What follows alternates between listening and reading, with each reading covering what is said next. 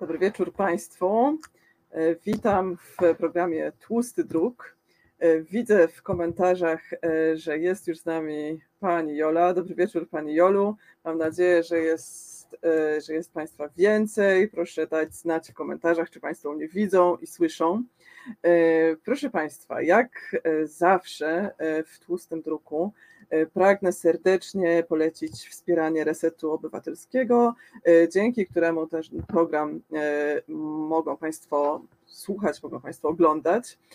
Polecam również zerknięcie na Substaka tłustego druku pod adresem tlusty substack.com. O, witam pana, pana Cześka i panią Małgosię Lisieckich. Bardzo mi miło. Dobry wieczór Państwu. Dobry wieczór panie Piotrze. E, proszę Państwa, dziś e, chciałam mm, Państwu przedstawić kolejny program z serii e, poetyckiej. Póki co w poezji w tłustym druku było niewiele. Mieliśmy bodajże takie dwa odcinki. E, jeden e, prowadził Janek Bieńczycki i były to, e, było to spotkanie z Emilią Konwerską.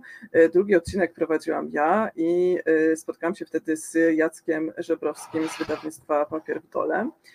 A dziś moim gościem będzie Jakub Sęczyk. I zanim, e, zanim zobaczą Państwo Jakuba Sęczyka, to ja e, przeczytam kilka słów e, jego notki biograficznej, ponieważ moim zdaniem jest to nietypowa notka, chociaż jak się Państwo przekonają, też pod, wieloma względami typowa. A zatem Jakub Sęczyk pisze o sobie tak.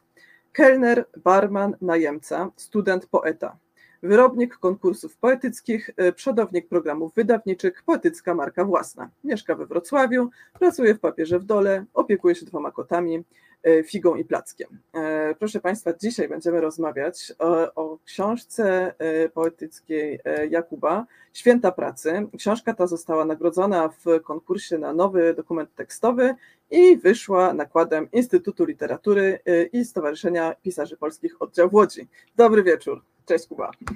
Dobry wieczór, cześć. E, słuchaj, przeczytałam Twoją notkę biograficzną e, i chciałam od razu zapytać w takim razie, e, kiedy można o sobie powiedzieć, że jest się poetą? No bo tak, że jesteś studentem, wpisują Cię na listę studentów, jesteś studentem. Stoisz za barem albo podajesz komuś jedzenie w restauracji, jesteś barmanem, jesteś kelnerem, podpisujesz umowę najmu, jesteś najemcą. A no nie wiem, ja na przykład studiowałam filozofię bardzo długo, przez 13 lat. Ukończyłam, znaczy ukończyłam trochę wcześniej. E, I na przykład, jak studiujesz filozofię nawet tak bardzo, bardzo długo, to nie możesz o sobie powiedzieć, że jesteś filozofką albo filozofem, dopóki nie wiem, nie masz przynajmniej doktoratu, nie stworzysz jakiejś własnej teorii, e, no i w ogóle nie można się tak tytułować. Więc chciałam zapytać, kiedy można powiedzieć o sobie, że jest się poetą? Dobre pytanie. Myślę, że wtedy, kiedy to zaczyna być potrzebne. Ja bardzo długo pisałem wiersze, bo pisałem wiersze od zawsze, to był taki mój podstawowy język komunikacji. No i pisząc te wiersze od 13-14 roku życia do teraz rzadko myślałem o sobie, że jestem poetą. Studiowałem w międzyczasie, tak jak mówisz, też studiowałem filozofię, potem filologię polską. Tych studiów już jest w sumie 10 lat i nigdy nie miałem problemu, żeby nazwać się studentem. No ale to też chyba wynika z tego, że po prostu, kiedy y, studiujesz na przykład filozofię, czy studiujesz filologię polską, to na końcu masz coś takiego jak po prostu zawód filolog, zawód filozof. Natomiast kiedy uprawia się twórczość poetycką, czy, czy w ogóle pisarstwo, no to ciężko już jest z czymś takim jak zawód poeta. No to, to w ogóle nie istnieje. Zawód artysta gdzieś się do tej debaty publicznej dopiero przeciera. E, więc jeżeli się jest poetą, no to myślę, że właśnie z jakichś takich względów po prostu ekonomicznych, kiedy trzeba, no nie wiem, na przykład złożyć wniosek o stypendium albo przekonać kogoś, że Twoją twórczość warto wydać. Więc te, momenty, kiedy myślałem o sobie, że jestem poetą, to były zazwyczaj takie momenty właśnie zderzenia z rzeczywistością, a nie wynikały totalnie z pisania wierszy, bo pisałem zawsze i rzadko kiedy myślałem o sobie, że jestem poetą to były przede wszystkim takie po prostu wyzwania praktyczne. No to jest e, bardzo ciekawa odpowiedź, no bo e, wydaje mi się, że intuicyjnie no to tak, pisze wiersze e, poeta, a tu okazuje się, że nie, czyli jeżeli jest ci potrzebna po prostu taka metka, to no właśnie, żeby do, tak jak mówisz, żeby wziąć udział w konkursie, dostać stypendium, tak, czyli zupełnie to jest funkcja użytkowa poety, bardzo ciekawe, dobrze, będziemy, będziemy jeszcze Będziemy o tym rozmawiać, o tych funkcjach różnych rzeczy, poety, poezji, wierszy. Czasami jest tak, czasami jest tak, że też nie warto być zupełnie poetą, no bo na przykład, kiedy starasz się o jakieś stypendium, już skoro mamy ten przykład, powiedzmy, jest to stypendium prezydenta Wrocławia, e, nie możesz być studentem. To stypendium dla artystów nie przysługuje osobom, które mają status studenta, a znowu na przykład paradoksalnie, kiedy starasz się o stypendium ministra kultury i powiedzmy, że jesteś w szkole filologicznej, jesteś na uniwersytecie, możesz starać się jedynie o stypendium naukowe, bo akademia nie jest traktowana jako szkoła artystyczna. Mógłbyś to zrobić, gdybyś był na przykład w Akademii Sztuk Pięknych albo uczył się teatru, wtedy jesteś uznawany artystą, natomiast jeżeli uczysz się w akademii, to nie do końca, więc to jest bardzo płynne w zależności od tego, w jakiej sytuacji się znajdujesz i co chcesz właśnie udowodnić, to można tej metki sensownie używać. No e, tak, meandry e, konkursów, grantów z ministerstwa, z miasta i o to, kim, e, kim warto być i czy prowadzi się podwójne albo potrójne życie jako osoba prywatna, instytucja, osoba pisząca i tak dalej. Tak, wszystko to jest myślę nam znane, możemy jeszcze to poruszyć, ale tak, tak, tak wygląda, proszę Państwa, tak wyglądają realia życia osób tworzących no nie tylko poezję, ale powiedzmy szerzej kulturę w naszym kraju. Okej, okay, słuchaj, e, dzisiaj mamy rozmawiać o świętach pracy i jest to twój e, debiut, e, debiut książkowy. Ja się trochę zdziwiłam, że to jest twój debiut, ale rozumiem, że po prostu pracowałeś bardzo długo nad tymi wierszami i twoja twórczość była już znana szerszemu gronu, bo myślę, że ja nie, nie jestem jedyną zdziwioną osobą, że to jest twoja debiutancka książka. Jak do tego doszło? No, można by tak powiedzieć obrazowo, że żeby wydać książkę w takim liczącym się wydawnictwie, które sobie wybierzesz, to jest powiedzmy jedno z trzech, czterech obecnych na rynku wydawniczym, trzeba odbyć coś na podobieństwo stażu poetyckiego, no, jak w dużej korporacji, czy w takim systemie rynkowym po prostu, gdzie najpierw masz etap powiedzmy wydawania w czasopismach swoich pierwszych tekstów, potem jakichś zestawów. W końcu możesz zdecydować się na uczestnictwo w programie wydawniczym, które są organizowane na zasadach konkursowych, e, albo wysłać po prostu propozycję tak z wolnej ręki do jakiegoś wydawnictwa poetyckiego, liczyć na odpowiedź. No w obu tych przypadkach raczej jest to dłuższa niż krótsza droga. I zazwyczaj opiera się to na jakimś takim prestiżowym awansowaniu z ligi do ligi, byciu zauważanym. Więc rzadko tak naprawdę chodzi tu o rzeczywistą pracę, taką poetycką, literacką, a zazwyczaj o pracę wokół własnej pracy, upowszechnianie swojej twórczości i dawanie jej szansy. No to było kiedyś prostsze ze względu na na przykład sytuację czasopism literackich. Jak sobie pomyślę o silnej Odrze, kiedy się opublikował zestaw, to debiut był już prawie, że pewien. Teraz się to trochę zmieniło, chyba ze względu na po prostu sytuację wydawniczą ja na przykład w swoim wydawnictwie, które współprowadzę, e, dla którego pracuję, e, z doświadczenia wiem, że mm, nie jest możliwe utrzymywanie się z wydawania książek w nakładach po 500 sztuk. To jest po prostu kwestia być albo nie być, a to, czy będziemy autorom potem umożliwiać jakieś zaistnienie w debacie chociażby publicznej, czy, czy upowszechnienie ich książek jest zupełnie poza zasięgiem wydawnictw, nawet tych, które korzystają z dotacji.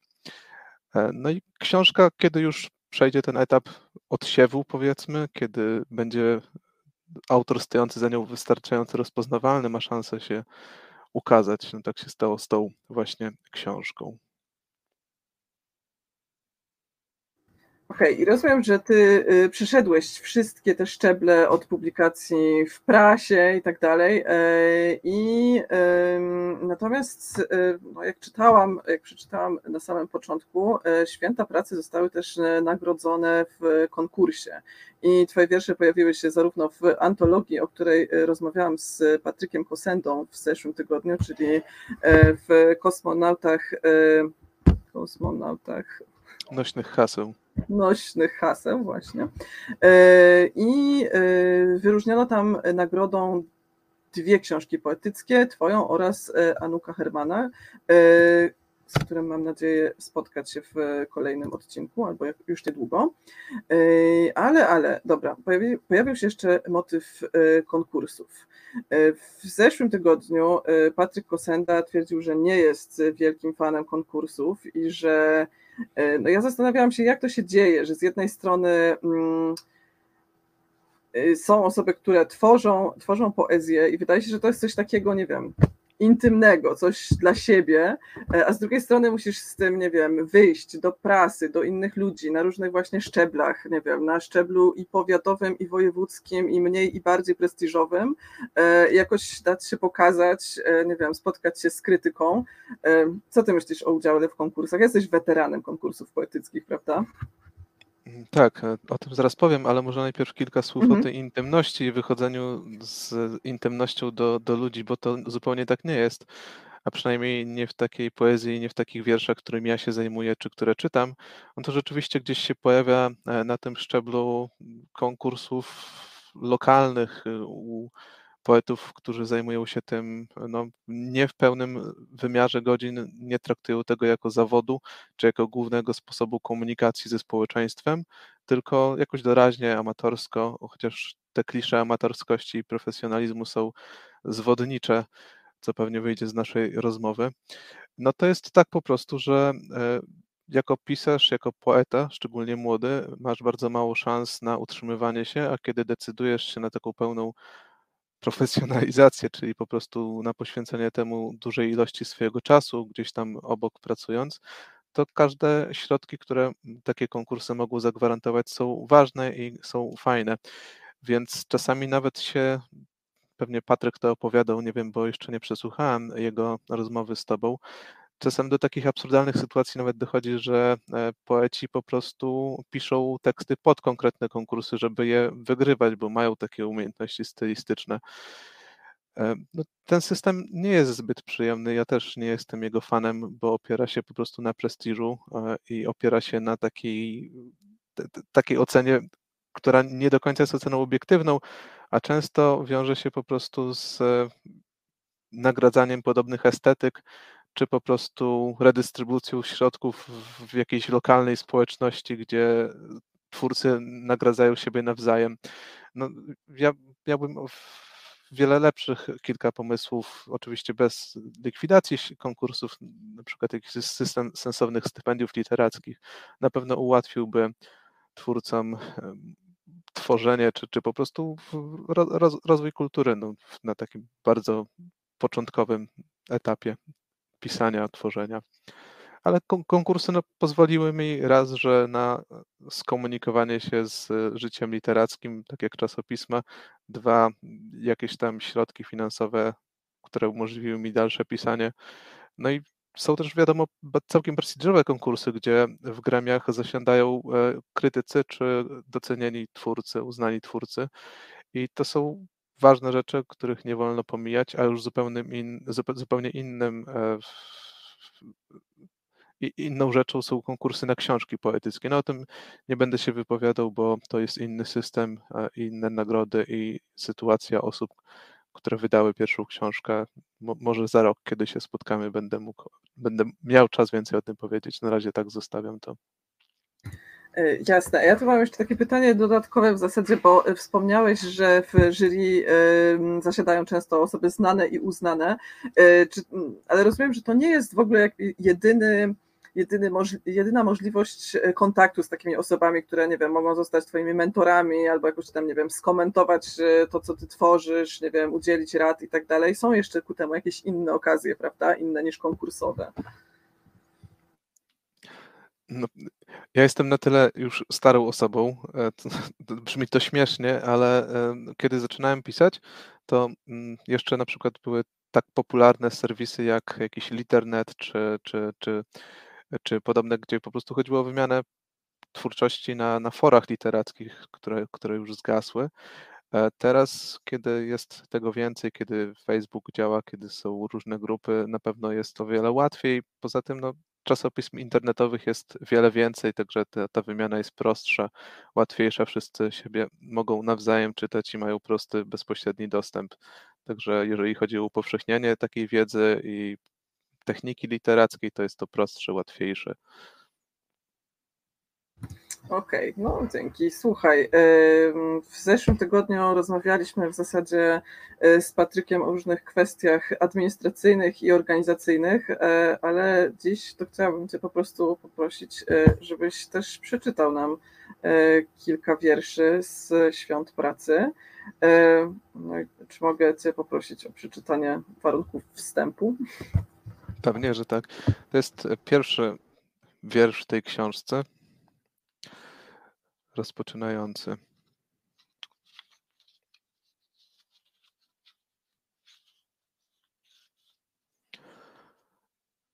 Warunki wstępu. Zobacz, jakby jaśniej. Wstajemy rano, jest niehandlowa. Za oknem Polska, wszystko w głównie. I wtedy wchodzi on, cały na biało, i tak się zaczyna przedstawienie. Ten wiersz upomina się o trzydziestogodzinny tydzień pracy. Ten wiersz upomina się o likwidację majątku kościelnego. Ten wiersz upomina się o natychmiastowe zaprzestanie pracy. Ten wiersz upomina się o konwersję narodowców na buddyzm. Ten wiersz upomina się o wstrzymanie podziału księżyca. Ten wiersz upomina się o ograniczenie potrzeb i produkcji. Ten wiersz powtarzał będę do znudzenia i pożygu. Ten wiersz upomina się o odpowiedzialność za głód. Przecież wiesz, ten wiersz upomina się o przerażenie, kiedy zostajesz sam. Ten wiersz upomina się o twój strach. Dobrze wiesz, że ma rację. Teraz nie powiesz mi, że nie mówiłem. Tak działa wiersz. To zaskakujące, ale tylko w taki sposób możesz to powiedzieć. Dziękuję bardzo. No więc jeśli wysłuchali Państwo warunków wstępu, y, to myślę, że Zgodzą się Państwo ze mną, że różne wartości, postulaty, o które upomina się ten wiersz, są myślę bliskie zarówno redakcji Resetu Obywatelskiego, jak już na pewno redakcji Tłustego Druku. No i tak, ale jeżeli mogłabym teraz prosić naszą realizatorkę Izę Kiszczak o pokazanie okładki Świąt Pracy, to zaraz porozmawiamy o tym, jak wygląda ten tom i można nawet mnie zniknąć na przykład, żeby, żeby mogli Państwo lepiej zobaczyć. E, o, właśnie, tak. E, chciałam zapytać mm, przede wszystkim o to, co albo kto jest na okładce i dlaczego tak. To myślę, że trzeba by było zapytać Kubę Przoniaka. E, Kubę Przoniaka, który jest projektantem i autorem tej okładki.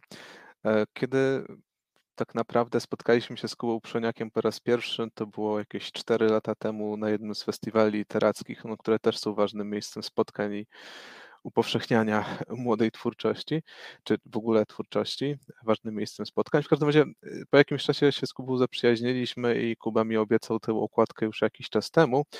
I kiedy przeczytał książkę po raz pierwszy, wysłał mi chyba 6 czy 7 propozycji okładkowych.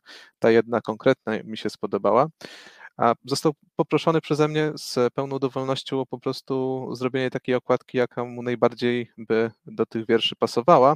Ja się w pełni zgadzam, że to jest coś, co oddaje styl.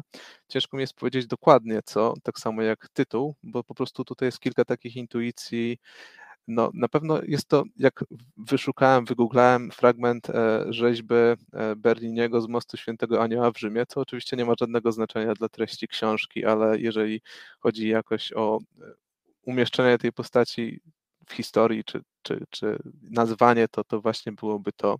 No jest ta krwista czerwień, która myślę, że w wierszach jako po prostu radykalne pozyskiwanie uwagi czytelnika też w różny sposób się będzie pojawiać, czy w ogóle czerwień związana z jakąś lewicowością szeroko pojętą. E, no i e, co jeszcze? Coś, co kojarzy się z no. niosłością. Mamy tutaj figurę, no jakby nie było anioła, no i tytuł Święta Pracy jako aureole. Już tutaj widać te dwa porządki, codzienny i świąteczny. E, więc jeżeli chodzi o okładkę, to z mojej strony tyle. Nie wiem, jakie są Twoje wrażenia, bo o wrażenia też chyba chodzi i takie intuicje. Nie no, ja bardzo lubię, bardzo lubię tę okładkę i pomyślałam sobie od razu, że nie wiem, czy anioły mogą być patronem czegoś, kogoś, świąt albo pracy, ale miała sobie wyobrazić właśnie patrona świąt pracy, to tak by on wyglądał albo osoba anielska.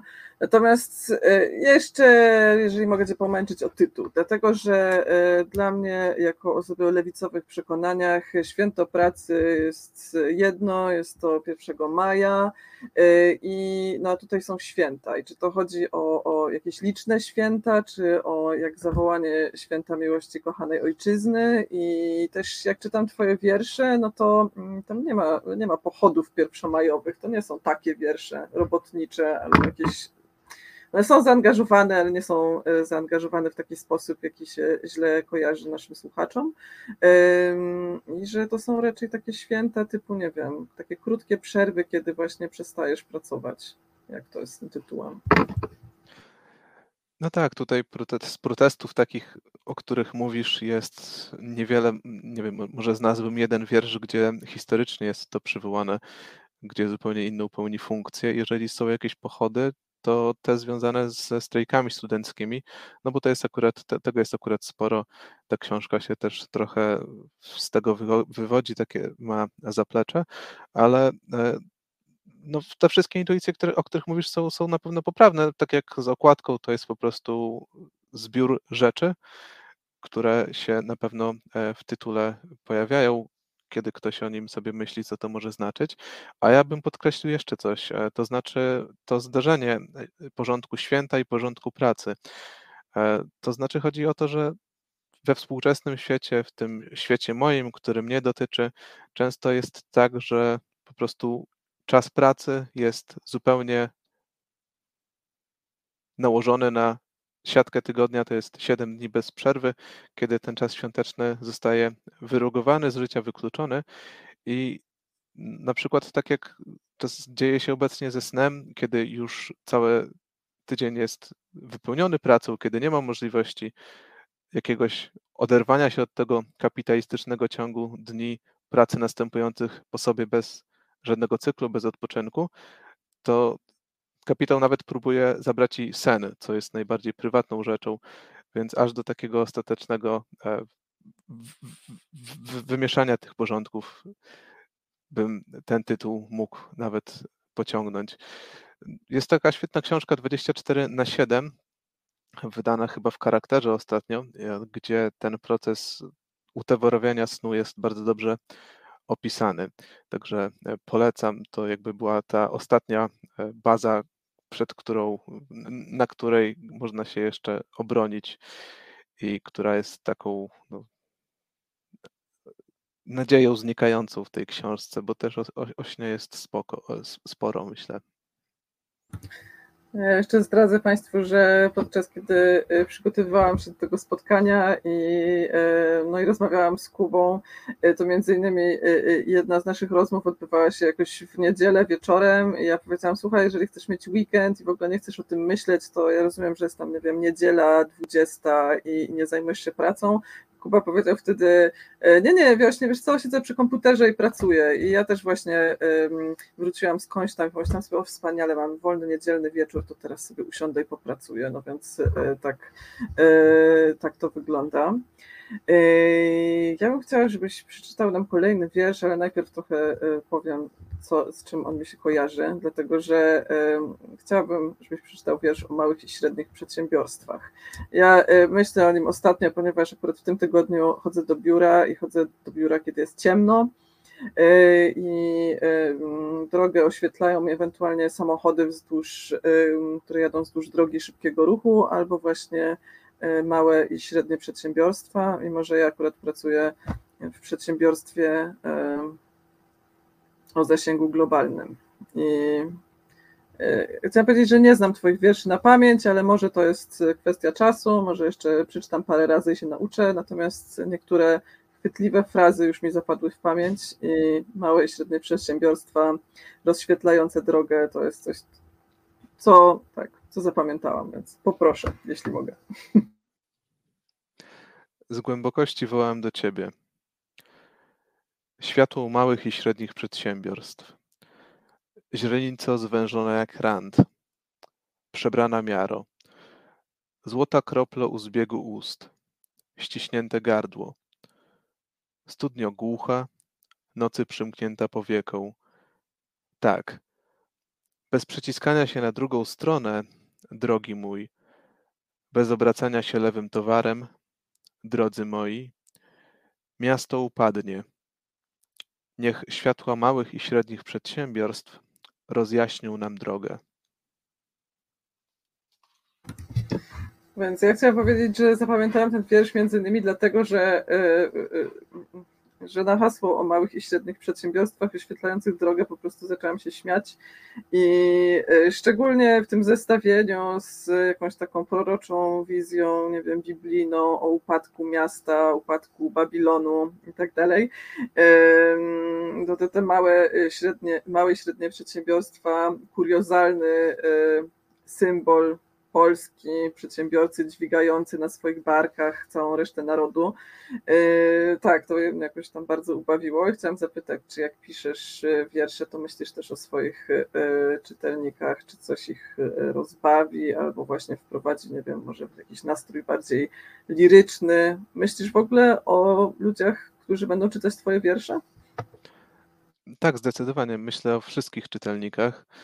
To znaczy nie tylko krytykach literackich, nie tylko o swoich kolegach poetach, no bo nie oszukujmy się, często jest tak, że książki piszesz w małym nakładzie i masz świadomość, że czyta je grono twoich znajomych, ale w tej sytuacji jest trochę inaczej, bo kiedy pisze się książkę, która jest jakąś taką opowieścią, to znaczy każdy wiersz ma tutaj znaczenie i zależy ci na tym, żeby czytelnik wytrwał do końca i żeby odnalazł no, niekoniecznie nawet, żeby każdy wiersz się spodobał, tylko żeby chociaż jeden z tych wierszy w jakiś sposób znalazł miejsce w odbiorze czytelnika, to zależy ci na tym, żeby utrzymać jego uwagę. I rzeczywiście te momenty, kiedy e, nie jestem dość poważny, kiedy sobie żartuję, albo kiedy jestem liryczny, kiedy przez chwilę wcześniej byłem wzniosły albo korzystałem z klasycznej formy, e, zostały też pomyślane w ten sposób, żeby utrzymać uwagę i kupić sobie to, to, trochę czytelnika. No, na pewno jest też trochę takiego wyjścia do czytelnika w tych wierszach, ale myślę, że to jest po prostu integralna książka, e, część tej książki, taka rozmowność, e, taka otwartość, e, takie zaproszenie po prostu do, do tego wiersza konkretnie.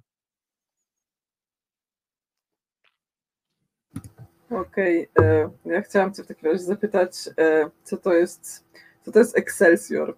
Czy to jest nazwa hotelu? Czy ja jestem tak, niedouczona?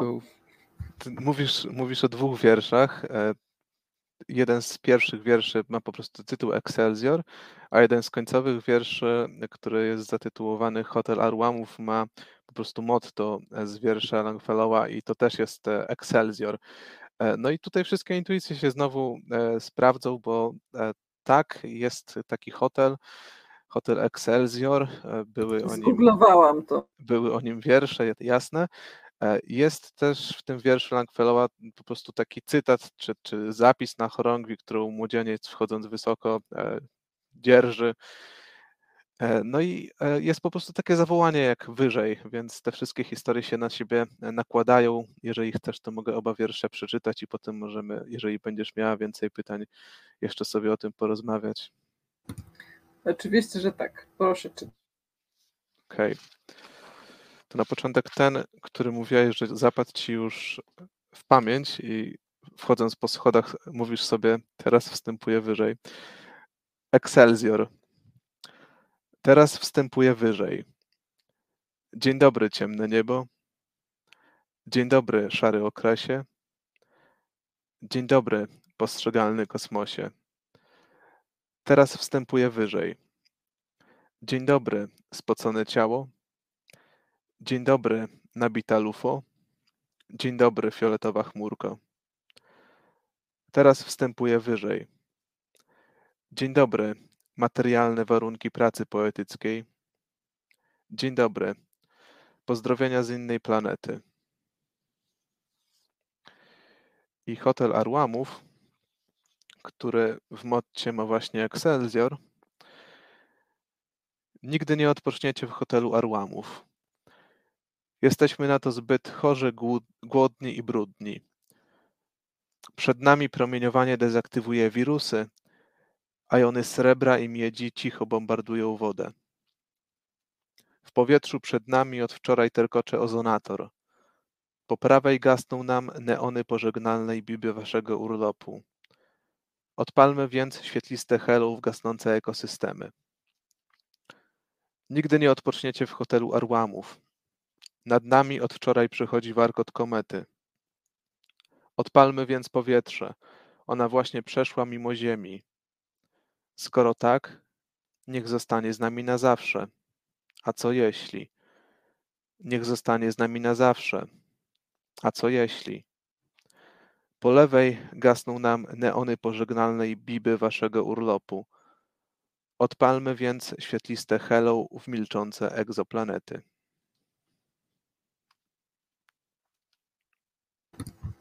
Dziękuję bardzo. Ja chciałam się wytłumaczyć, że e, ja się domyślam, że wiesz, Excelsior jest trochę o czym innym, ale ja sobie lubię czasami różne teksty poetyckie traktować dosłownie, e, a ponieważ e, nienawidzę wchodzić po schodach i wchodzić e, pod górkę, a tak się składa, że po pierwsze mieszkam na górce, a po drugie jeszcze na trzecim piętrze bez windy, więc tego wchodzenia jest bardzo dużo i muszę sobie to jakoś osładzać, więc jak akurat nie rozmawiam z nikim przez telefon albo nie słucham muzyki, to sobie e, mantruję e, wiersze Jakuba Senczyka.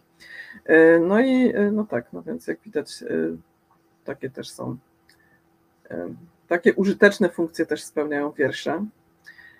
Ale, o, no właśnie, to czy w takim razie, czy poezja może być sztuką użytkową w jakimś takim pozytywnym sensie?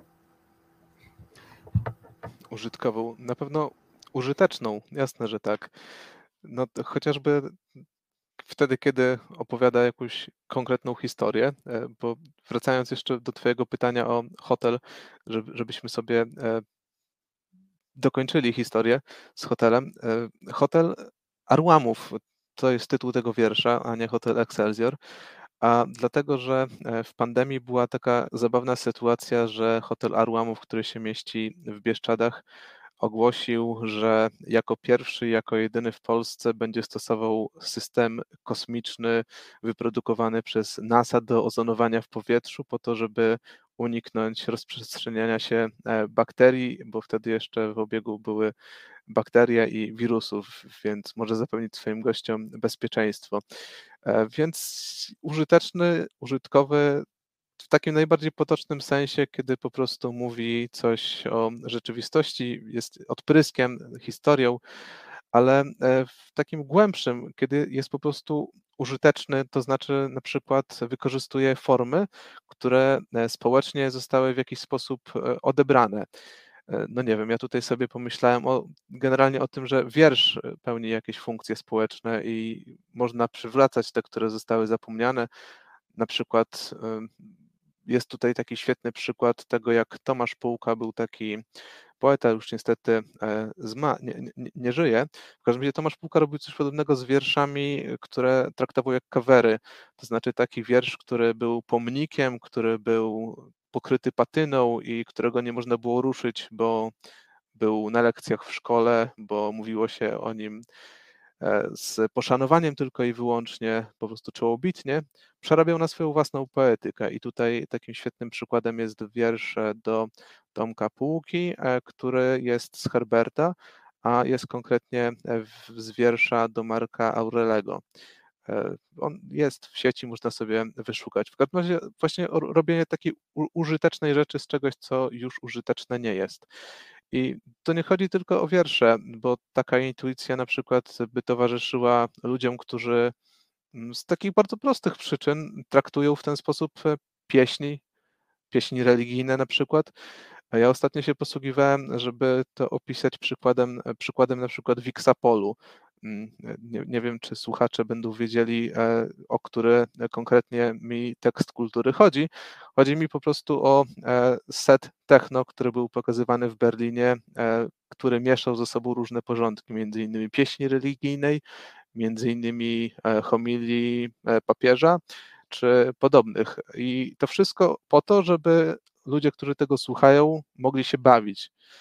I coś takiego właśnie robienie z rzeczy, które zostały zbrązowione, upomnikowane, odebrane użytkownikom czy społeczeństwu, jeszcze raz, żeby zrobić użyteczność. Łącząc te wszystkie intuicje, mógłbym powiedzieć, że rzeczywiście w wierszach o coś podobnego by chodziło, tych konkretnych ze, ze, ze, świąt pracy. Po prostu o takie formy wierszowe, które by jednocześnie były uczestnictwem w życiu publicznym, e, w społeczeństwie po prostu, czyli przywrócenie wierszom takiej komunikacji, takiego sposobu wypowiadania się, które jednocześnie byłoby uczestnictwem w życiu społecznym, więc bardzo chciałbym takiego stanowiska bronić i chciałbym swoje wiersze w ten sposób postrzegać, chciałbym takie wiersze dalej pisać.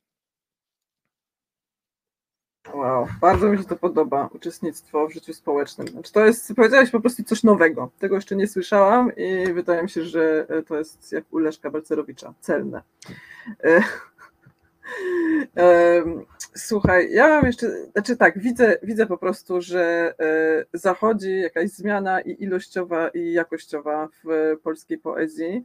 E, mimo, że mm, tak jak mówiłam już w zeszłym tygodniu Patrykowi Kosendzie, to nie jest tak, że jakoś e, poezja była bardzo wysoko na liście moich zainteresowań. To znaczy, wydaje mi się, że też od, od no nie wiem, od zawsze czytałam wiersze, w którymś momencie czyta, zaczęłam czytać dla siebie ale jak byłam jeszcze e, dużo, dużo młodszą osobą niż obecnie, to te wiersze były zupełnie inne. I młodzi, na on czas poeci, którzy już wtedy nie byli młodzi, ale byli za takich uznawani, pisali wiersze na przykład, nie wiem, o wódce i papierosach i pewnie jakby się odwrócić, za mną jest taka półka, na której pewnie gdzieś te wiersze ciągle leżą, nieodkurzane od wielu lat.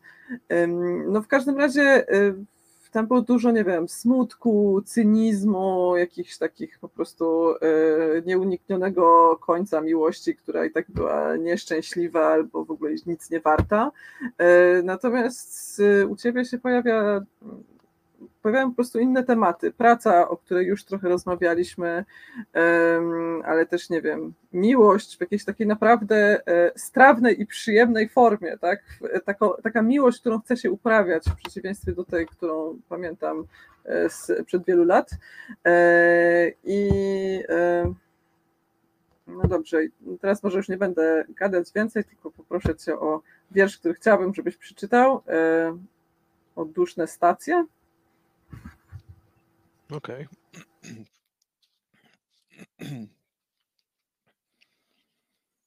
To jest chyba taki najbardziej slamowy i najbardziej nieprzewidywalny z tych wszystkich wierszy. Wiersz, który pozwala sobie na największe flow językowe. Duszne dni. E, przepraszam, nie duszne dni, chciałeś duszne stacje, tak? Duszne stacje. Tak. Wszystkie przejścia graniczne są monitorowane a noce uwalniają od żądania czynszu. Drogie są stancje i nie musimy oszczędzać, a pochowane za rogiem pod skórą drobne szurania. Wymiarowanie instalacji wody ziębniczej, a szron śnieć od wody z obrzeżem. Która lubi seks jak koń owies, obrzmiała skóra, a brzmią bębny porannych najść na sklepy. W Paryżu jednak owies robią z ryżu, Chroni nas, a określ, kapitanie, gogle wcibione w obce strawy. Nawigaret to casualowa moda dla mężczyzn na sezon, a po co? Jest wigor, brak rygoru i pełna obcość. Obło to część kadłuba jednostki pływającej, a idealna czarna obłość w węźle gardła roście. Kiedy zaczyna się zbiór czereśni, a kończy rozbiorem wiersza u zbiegu twoich ud. Daj, ja będę meł, a ty odpocznij, a meł mnie horyzont, upał cudzych wód. Samolot wilga przyleciał na drzewo korczyny, a głaszcz ją, żółtą jak zęby dotknięte nałogiem. Przyczyną katastrofy seria wybuchów w lewym skrzydle, a wynikły z przegryzionego na poły batonika Mars. Wieczór był późny, lecz śpik wszystkich odleciał, a topnieją w kieszeni zęby obce jak słowa modlitwy. Z kością wplecioną w kok, w sukienkach straw, a wróci się rogiem, podejdzie do gardła uliczki. Nie wiem, czy wyczerpaliśmy wszystkie możliwości, a wszystkie możliwości zostały zaplanowane. Tak, to jest jeden z takich wierszy, które mi trochę wykręcają mózg, ponieważ wydaje mi się, że jak zaczynam czytać e, początek wersu, to wiem, jak on się skończy, a on się kończy w jakiś taki sposób, który, którego nie jestem w stanie przewidzieć i mimo, że czytam ten wiersz już kilka razy, to za każdym razem czuję się zaskoczona. Ale są też takie bardziej przewidywalne wiersze w tym tomie, więc e, myślę, że i osoby, które bardziej, lubią, nie wiem, bardziej zachowawczą poezję też znajdą coś dla siebie, ale ja bym chciała trochę pociągnąć ten wątek, y, nie wiem, cynizmu i idealizmu i dlaczego te wiersze są inne niż kiedyś. Nie, nie chciałeś pisać o wódce i papierosach i nie chciałeś być takim tough guyem? To jest sympatyczna osoba wychodzi z tego tomu. Nie było modne przez wiele lat. Wiesz, z wierszami, bo już rozwiążę tajemnicę, jeżeli to tajemnicą jeszcze jest, z wierszami Świetlickiego jest niestety tak, że sam Świetlicki stał się nieznośny szybciej niż jego wiersze stały się nieznośne i e, nieprzyjemne, no bo nie wiem, na przykład w zimnych krajach można znaleźć jeszcze bardzo fascynujące obrazy na przykład z, z społeczeństwa czy przemian społecznych i ta książka wciąż mi się podoba, a pozostałych książek e, no po prostu już z jakichś powodów nie czytam.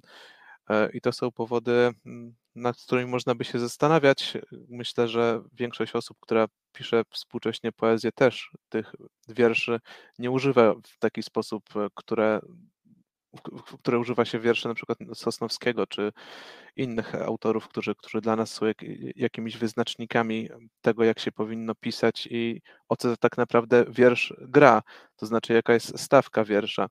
I właśnie tutaj wydaje mi się, że jest największa różnica, to znaczy konkretnie stawka, o którą wiersz rozgrywa tę, tę całą wiersz, o którą się po, po, poeta czy autor za tym wierszem upomina.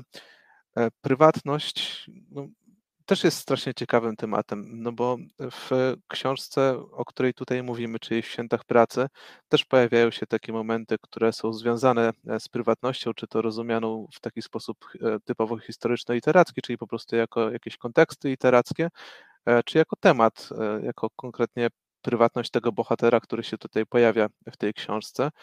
Ale to jest rekwizyt. To nie chodzi o zupełnie zorganizowanie całej dykcji poetyckiej wokół tej prywatności, a tym bardziej nie chodzi o to, żeby stawka poetycka w jakiś sposób się z tą prywatnością e, wiązała.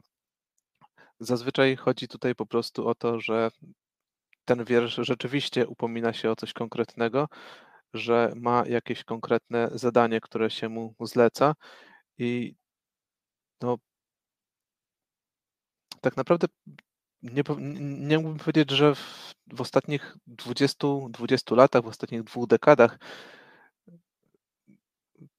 byłyby takie wiersze, które bym, bym, bym cenił, jak te o i papierosach. Te wszystkie jakieś wybory są zupełnie z innej linii, z takiej, która była przez długi czas schowana.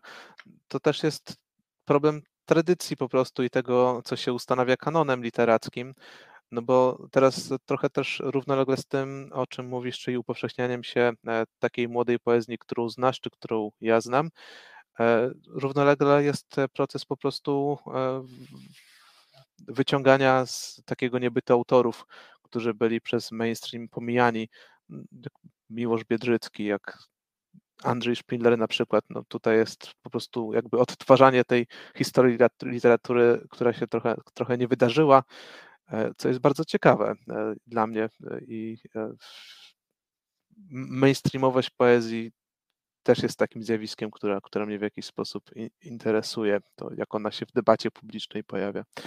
E, więc co się zdarzyło, tak podsumowując, no na pewno stawka poezji i jakby przekonanie, że można tą poezją w ten sposób działać, nie tylko na sposób sceniczny, nie tylko e, na, na zasadzie jakiegoś dystansu i ironii, ale autentyzmu czy rzeczywistego wpływu e, na, na, na rzeczywistość, czy, czy język, którego się używa. Czy mi się wydaje, że to jest w ogóle zmiana e, kulturowa. Olga Drenda o tym e, jakiś czas temu dosyć ciekawie pisała, zupełnie nie w kontekście poezji, tylko no tego, że nie wiem, że jakoś cynizm przestał być modny, że nie wiem, prawdziwe, autentyczne zaangażowanie okazało się czymś bardziej cool. E, no nie wiem, ponieważ ja 20 lat temu bardzo mi się podobały wiersze o wódce i papierosach i uważałam, że one są absolutnie wspaniałe. Myślę, że teraz, znaczy teraz patrząc na to z perspektywy czasu, to myślę, że jednak różni bohaterowie literaccy, nie tylko poetycy, ale no przecież jest też taka proza i, i dużo takiej prozy w swoim życiu wchłonęłam e, i myślę, że to jakoś nie zrobiło to dobrze ani na moją głowę, ani na moje e, relacje z ludźmi i kiedy pytałam Cię wcześniej, czy myślisz o swoich e, no to, to myślę, że tak, że no nie wiem, czy ci poeci i pisarze i pisarki, e, czy oni dużo myśleli o swoich czytelnikach, co im to zrobi i że może ich życie będzie mniej szczęśliwe e, oraz, że właśnie, nie wiem, jako osoba pisząca można mieć e, tak duży wpływ na, na swoich czytelników i czytelniczki. Może trochę przesadzam, ale nie wiem, co ty Myślę, że to, o czym mówiliśmy wcześniej, ta męskość, którą tutaj przywołujesz przez te rekwizyty papierosów i wódki, po prostu stała się politycznie znacząca, czy zaczęto mówić o tym, że ona jest w jakiś sposób politycznie ważna. Te wszystkie wizerunki męskości, które teraz się krytykuje, e, już w przeszłości no, są takimi niemodnymi, zupełnie niepopularnymi rzeczami, których obecnie można by się wstydzić. Teraz, kiedy rozmawia się o męskości, no to przede wszystkim raczej o takiej miękkiej, czułej. Tutaj najlepszym przykładem byłyby takie książki moich kolegów, jak książka Andrzeja Woźniaka czy Tomka Gromadki, zresztą świetna e, w ogóle akcja społeczna Tomki Gromadki, który e, robi męskie kręgi, gdzie mówi się po prostu o męskiej czułości i prawie mężczyzn do okazywania uczuć, więc e, w ciągu tych kilkudziesięciu lat zwrot, jeżeli chodzi o raz, że rozumienie roli tego, w jaki sposób mówimy o męskości, a dwa tego, czym ona jest, to zupełnie rewolucyjnie zmienił się, jest przepaść pomiędzy tymi dwoma wizerunkami. Tak, tak, są to inicjatywy y, mi również znane i jakoś y, bardzo doceniam, że one się dzieją. Ja w ogóle chciałam powiedzieć, że tutaj na naszej antenie można y, reklamować różne rzeczy właśnie tego typu. Nie wiem, jeżeli chciałbyś jeszcze w międzyczasie przyjdzie ci do głowy, że chciałbyś polecić jakąś inicjatywę, jakiś link, nie wiem, wsparcie kogoś, to, to oczywiście jak najbardziej. No ale teraz tak, patrzę na czas, że powoli, powoli będziemy zbliżać się do końca, więc ja chciałam zapytać, jeżeli ktoś chciałby zobaczyć inaczej niż w internecie, to gdzie i kiedy? Najszybciej to w tę sobotę będę w Warszawie. Mam spotkanie autorskie e, na Jazdowie. Tam o godzinie 19. Można się ze mną spotkać. Spotkanie prowadzi Gustaw Owczarski. Będę miał książki nie tylko swoje, ale także swojego wydawnictwa, czyli Papierów Dole. A wcześniej zapraszam do e, księgarni Młodsza Siostra, gdzie spotkanie ma Agata Puwalska e, z książką Paranoja Bebop. Także najpierw do młodszej siostry, a potem najazdów, żeby wziąć udział w swoim spotkaniu. Jeżeli ktoś jest z Wrocławia, to e, w ten piątek e, będę na spotkaniu, które organizuję. To jest spotkanie autora związanego z wydawnictwem Papier w Dole. Autor nazywa się Paweł Stasiewicz, będzie mówił o swojej debiutanckiej oprawie skórzanej. Spotkanie prowadzi Maciej, Taranek, tam też książki wydawnictwa będą do kupienia. A za dwa tygodnie e, na Pulsie Literatury, to jest chyba sobota, 3 grudnia, spotkanie autorskie jako pokłosie konkursu Bierezina prowadzi Paweł Kaczmarski i ze mną i za Nułkiem Hermanem. Także trochę tego jest, mocna poetycka jesień.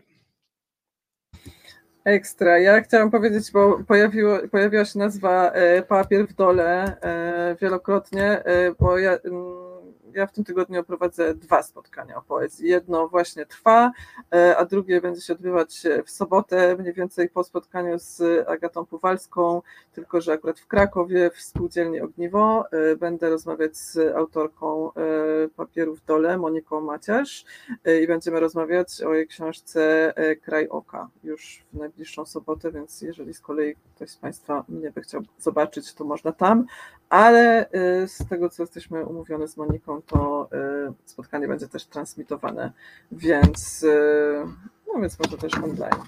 Okej, okay, Kubacz, chciałbyś jeszcze coś nam przeczytać? Czy chcesz, żebym przeczytał coś konkretnego, czy y, Nie, już myślę, że miałam już tyle życzeń, że teraz pozwolę Ci wybrać samemu. Dobrze.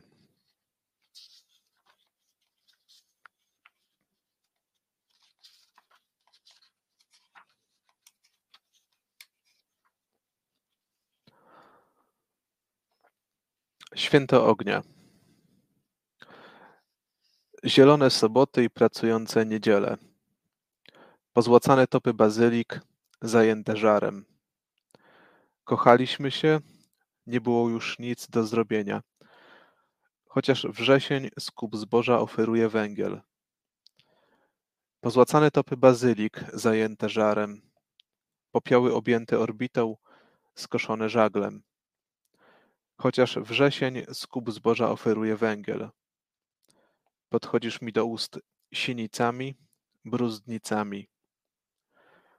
Popioły objęte orbitą, skoszone żaglem. Poniesie nas haust dymu i żarliwość. Podchodzisz mi do ust sinicami, bruzdnicami. Chociaż tyle wokół jeszcze jest powietrza, poniesie nas haust dymu i żarliwość. Decydującym dystychem wsać to między bajki. Chociaż tyle wokół jeszcze jest powietrza, chociaż jeszcze sporo zostało u źródła, decydującym dystychem wsać to między bajki. Kochaliśmy się, nie było już nic do zrobienia, chociaż jeszcze sporo zostało u źródła. Zielone soboty i pracujące niedziele. Jeszcze trajektoria ognia. Niech cieplna śmierć zagląda w oczy nadgorliwym. Wielki chłód gaszący oczy, łamiący sine karki karłów. Niech rozogniony będzie ruch jednostronnego ślizgu w obie strony żaru. Wyjściowy jak film łzowy, wejściowy.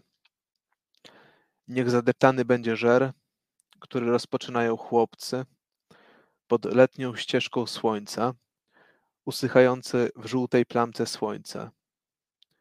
Niech stygną powoli nasze języki, shanti, shanti, shanti. Niech stygną powoli galaktyki, shanti, shanti, shanti. Niech zapruszony będzie chleb, ujęty i spalony na języku, w ciszy. Odpalmy ostatni okruch pod językiem. No już. Ja się tutaj pochylam, bo y, kiedy ty czytasz, y, to ja sobie czytam ze swojego egzemplarza. Ja, proszę Państwa, mam swój egzemplarz tutaj, ale y, chciałam zapytać, gdzie można zdobyć swój własny egzemplarz Świąt Pracy, jeżeli Państwo poczują się zachęceni, a mam nadzieję, że tak właśnie jest i będą chcieli kupić. To gdzie? Najprościej na stronie wydawcy. Strona e, to Instytut Literatury. Tam w sklepie internetowym można książkę chyba jeszcze nawet promocyjnie kupić za 15 zł.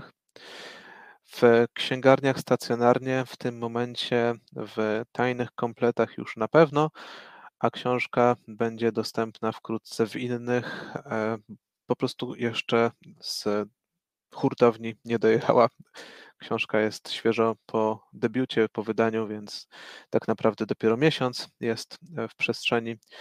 publicznej. Można będzie ją kupić w innych księgarniach, a najprościej znaleźć tę listę także na stronie wydawcy albo gdzieś w moich mediach społecznościowych. Książkę można kupić też e, w Stowarzyszeniu Pisarzy Polskich Oddział w Łodzi. Tutaj dystrybucją zajmuje się Rafał Gawin. Ech, to tyle. Świetnie, świetnie, jesteś świetnie przygotowany. Ja mam nadzieję, że Święta Pracy będzie można niedługo kupić e, w spółdzielni Ogliwo e, przy Smolki 11a albo e, na stronie sklep.ogniwo.org. Tego sobie bardzo życzę. Jeszcze muszę wysłać tylko kilka maili i pomęczyć kilka osób, ponieważ jak się okazuje, wcale ta dystrybucja poezji nie jest taka prosta. E, jeszcze przyglądałam się mojemu egzemplarzowi e, i szukałam informacji o tym, jaki jest nakład, ale nie znalazłam tej informacji. Nie wiem, czy ty masz tę informację, albo czy można ją podać. Nie ma, nie ma w stopce tej informacji. No, mhm. Nakład jest nieco większy. Chyba mogę podać, chyba nie jest to żadną tajemnicą. Nakład no, jest nieco większy niż zazwyczaj. Jest to 500 sztuk.